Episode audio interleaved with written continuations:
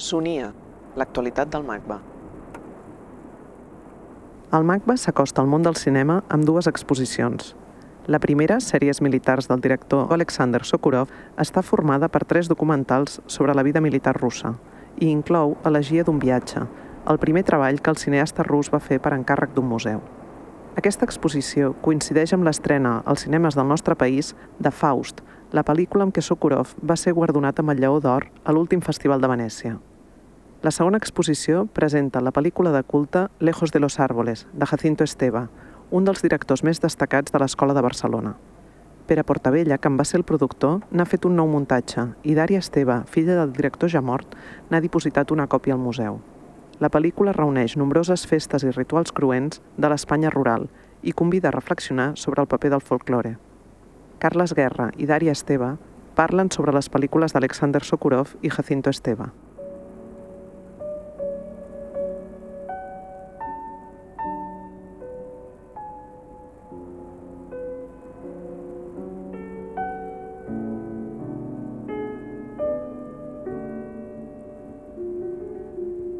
El cinema al museu. El cinema en la col·lecció del MACBA és un cas per interpretar que aquest museu, que no té departaments clàssics en el sentit de dir pintura, escultura, dibuix, cinema o vídeo, el que treballa precisament són aquests casos de connexió, aquests casos de connectivitat.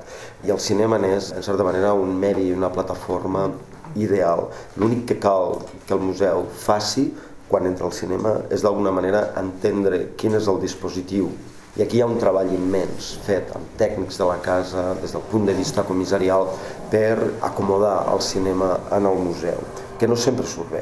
I sabem que hi ha exemples polèmics, és a dir, només caldrà recordar la gran exposició de Godard al Centre Georges Pompidou, que va acabar com el Rosari de l'Aurora, és a dir, és un gran cineasta, i això no significa que es pogués explicar bé en el museu. No obstant, aquells mitjans, aquells casos que carreguen polèmica són els casos que interessen en un museu que sovint que està a l'avantguarda resolent aquests temes. Sukorov tampoc està exempt de polèmica i sabeu que en el darrer Festival de Venècia el lliurament del guardó del Lleó d'Or va ser rebut amb polèmica pels crítics. Curiosament, l'alternativa que es plantejava havia de ser un altre artista, Steve McQueen, amb la seva pel·lícula Shame. I en aquest cas estem parlant d'un artista que sí que ha fet el seu recorregut en institucions artístiques i que fins i tot la crítica va considerar com més qualificat per rebre el Lleó d'Or. No obstant, per nosaltres, Sukorov segueix sent l'emblema d'un cinema d'exposició, com va dir Dominique Paini, i, ho esdevé ben aviat, a final dels anys 90 i principis de l'any 2000. Per això el MACBA té a la seva col·lecció des del 2002, 2002 i 2004, aquestes pel·lícules que hem englobat sota el títol de sèries militars. De fet, Sukorov les anomena pel·lícules militars, però les anomenem sèries militars, entenem que n'hi han d'altres també. Les tres pel·lícules que tenim són El somni d'un soldat, Soldier's Dream, que és una pel·lícula molt breu de 10 minuts, extreta de veus espirituals que duren ni més ni menys que 5 hores i mitja, i eh, Soldier's Dream es va fer per ser presentada al Festival de Oberkampf quan Veus Espirituals encara estava en curs de producció. Aleshores hem completat Soldier's Dream, Veus Espirituals i Confession, que dura també al voltant de 3 hores 40 minuts, com el gran exemple de sèries militars que formen part de la nostra col·lecció. Hem afegit Elegia del viatge, aquesta pel·lícula de l'any 2001, que és la primera que realitza per encàrrec d'un museu en el context d'una celebració de la comunitat europea a Rotterdam l'any 2001. I veureu que el tema hi lliga, perquè tot i que Sukorov està sovint identificat amb la identitat d'aquesta Rússia postsoviètica, amb un aparell militar en decadència, però també és un pensament, la perspectiva russa, que ens ha il·luminat sobre la pròpia crisi d'identitat europea.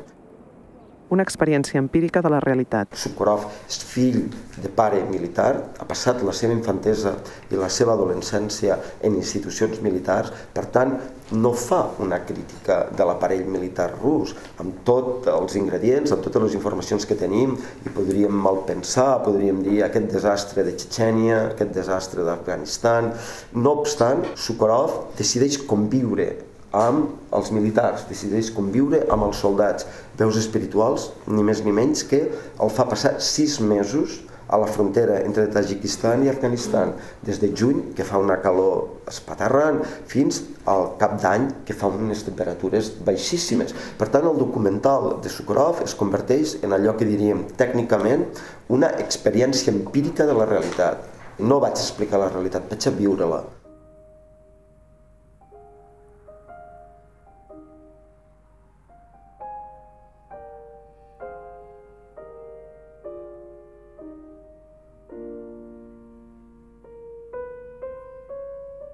Influències en el treball de Sokurov. Sokurov està educat culturalment per la ràdio russa, que d'alguna manera transmet la gran tradició literària, en Chekhov al capdavant, que transmet la música clàssica que està present en les seves pel·lícules, Scarlatti, Messiaen, eh, Mozart, i sobre aquesta observació de la vida quotidiana en el front rus, que no necessàriament vol dir que acabi codificant aquesta guerra com la veiem codificada a les notícies, aquí hi ha una diferència important, Sukorov hi afegeix a la seva veu nostàlgica, melodiosa, reflexiva, amb la qual cosa aquest documental dona suport a una obra extraordinària, a una reflexió in situ, no només sobre les condicions de la guerra, sobre coses molt més àmplies i sublims, com és la condició humana, la pròpia identitat russa, i fins i tot la pròpia condició de l'art, no només cinematogràfic, sinó de la pintura. De tal manera que aquestes sèries, Spiritual Voices i Confession, que són en principi pensades com a sèries de televisió, acabin adquirint una qualitat pictòrica, una qualitat estètica extraordinària que no és atzerosa. Sukorov també està educat en la tradició estètica de la pintura del segle XIX, cosa que es veurà ja claríssimament amb l'Elegia del viatge, aquesta pel·lícula de l'any 2001, que representa un viatge poètic des de Sibèria fins al Museu Boymans van Boingen de Rotterdam, on acaba d'alguna manera introduint-se en els quadres del museu. Per tant, el documental acaba pràcticament equiparant-se en una pintura, una pintura plana. D'aquí que en les pel·lícules anteriors de les que estem parlant, veus espirituals i confession, en molts casos la imatge sembla també aquelles postals pictorialistes del segle XIX un cinema que desafia allò que és habitual. Aquestes quatre pel·lícules que no us sorprengueu si ocupen un espai aparentment més gran del que necessita la projecció. Aquí el que passa és que estem parlant d'un cinema que també desafia les escales habituals, que desafia els horaris convencionals de la sala del cinema i no només de la sala del cinema, sinó també del museu. En total, aquestes quatre pel·lícules sumen 10 hores de visionat. Són 10 hores que, insisteixo, recorden que ni en el seu horari habitual el museu pot permetre completar la visió. Per tant, no són pel·lícules tampoc que un visitant arribi i vegi començar i acabar. Són pel·lícules que demanen una immersió i la sala està preparada precisament perquè arribis en el punt que hi arribis, seguis i allò que d'alguna manera et connecti sigui aquesta veu, aquesta literatura que apareix en la veu en off, com dic, molt inspirada en l'experiència radiofònica i sobretot la potència d'aquesta imatge.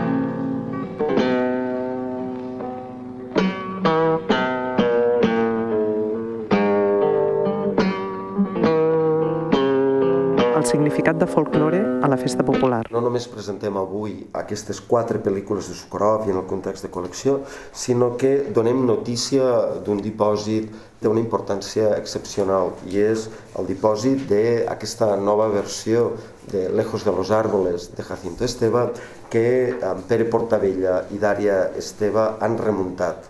Recordem que Lejos de los Árboles és també una pel·lícula atzarosa on les hi hagi en la història del cinema espanyol i això ho saben molt bé Esteve Riambau i Casimiro Torreiro que van fer les primeres aproximacions diguéssim a la descoberta del cinema de Jacinto Esteve i és una pel·lícula que el primer tall que se'n fa durava 18 hores. I és una pel·lícula que es produeix o es realitza després de diverses campanyes entre l'any 63 i gairebé l'any 70 al llarg de 6 anys anant a recollir, a documentar festes populars, rituals, d'aspecte totalment atàvic i delirant ja en l'Espanya del desenvolupisme, però que en el moment representaran una inspiració molt important per revisar quin és el significat i el valor del folklore. sabem que el franquisme havia utilitzat el folklore demagògicament, però encara queden intel·lectuals que entendran que en la festa popular hi ha experiències màgiques, hi ha experiències d'alteritat inassumible, quan els intel·lectuals o la perspectiva urbana vol anar a observar la vida rural, es trobarà que contempla festes com llençar un asa des d'una torre o l'autolesió amb un fuet o fent-se ferides i múltiples formes de ritual que són incomprensibles encara ja a l'època d'aquella Espanya. Manuel Delgado, el conegut antropòleg, va escriure, jo crec que d'alguna manera la interpretació definitiva, almenys la interpretació que ens fa pensar que aquí tenim un treball importantíssim en la que efectivament assumia que Jacinto Esteban no pretenia necessàriament denunciar aquest excés de ruralisme o aquesta mena de folklore atàvic, o com diria Ernesto de Martino, el gran especialista en l'anàlisi del folklore i el seu impotencial en els anys 50, aquesta mena de folklore arcaic. Recordem que aquest debat sobre la revisió del folklore popular estarà molt informat a l'època pel que està passant a Itàlia, on emergeix el neorealisme com a resposta a aquesta possibilitat de trobar una modernitat oculta, amagada en allò que les avantguardes més han menys tingut que és el popular, el folklore, la cosa adotzenada, la cosa massiva. Veiem que no només en el treball de Jacinto Esteve, és a dir, suspenent aquesta oposició frontal a lo que és popular, sinó que en el treball de la fotografia contemporània de l'època, la fotografia d'Oriol Maspons, de Juniol Vinya, del propi Carlos Saura, de Massats, del propi Miserats, hi ha la intenció de descobrir la modernitat que s'amaga en aquesta experiència que una mirada urbana li costa reconèixer. Per tant, no és una pel·lícula ni que confirmi la denúncia ni que tampoc faci una defensa aferrissada d'allò popular. Jacinto Esteve, quan revisem la premsa a l'època, no s'està de dir que la pel·lícula ha de servir per validar la reputació de ser rites, però també per denunciar-ne d'altres que deurien aturar-se o deurien prohibir-se. Per tant, és una ambigüitat molt productiva. Nou muntatge, mateix esperit. Aquest eh, nou muntatge no altera la pel·lícula en el sentit que no ha canviat l'ordre de les escenes, vull dir, conserva exactament el mateix esperit que té i que el que va fer el Pere Portavella és una mena de drenatge de la pel·lícula, en el sentit de que ha tret escenes que es repetien o coses que estaven com reiterades i d'aquesta manera a mi em sembla que s'ha condensat. És veritat també que podríem arribar a pensar que aquesta pel·lícula cada vegada és més curta, no? perquè si vam començar amb 18 hores, després 4, després 2, ara dura una hora, potser és que fa por i tot la pel·lícula i la farem desaparèixer. No, això és una broma, no? Eh, jo vaig estar parlant fa un parell d'estius amb el Pere Portavella de la meva preocupació per la necessitat de restaurar les pel·lícules del meu pare i li vaig portar un DVD de Lejos de los Árboles i em va dir, de seguida em va dir que calia canviar el muntatge. Jo no diria que està remuntada, sinó que està com condensada.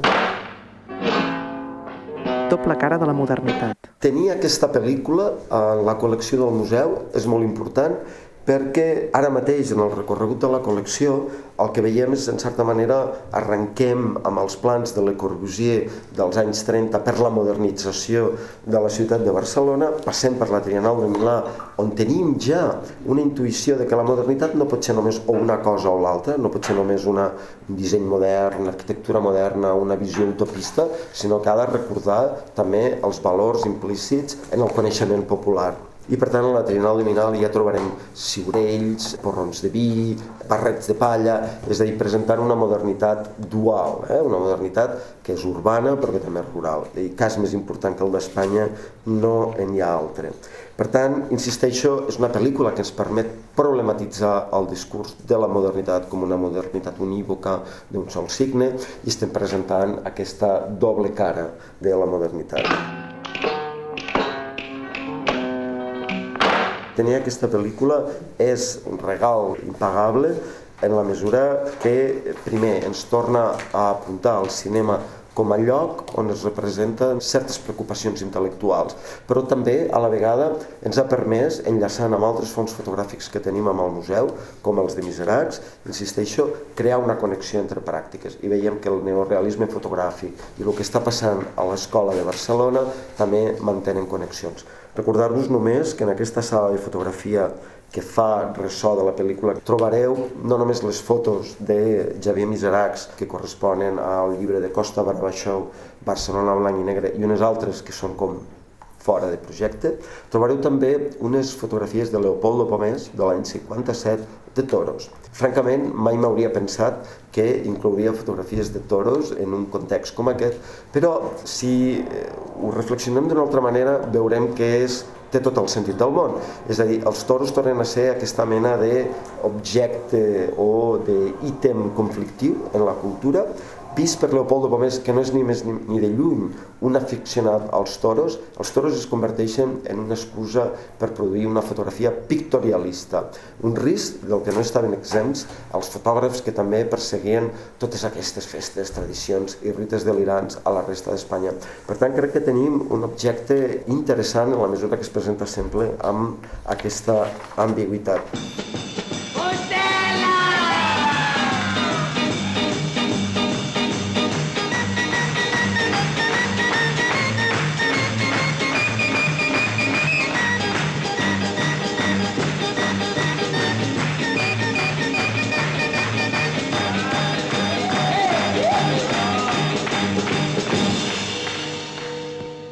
Macba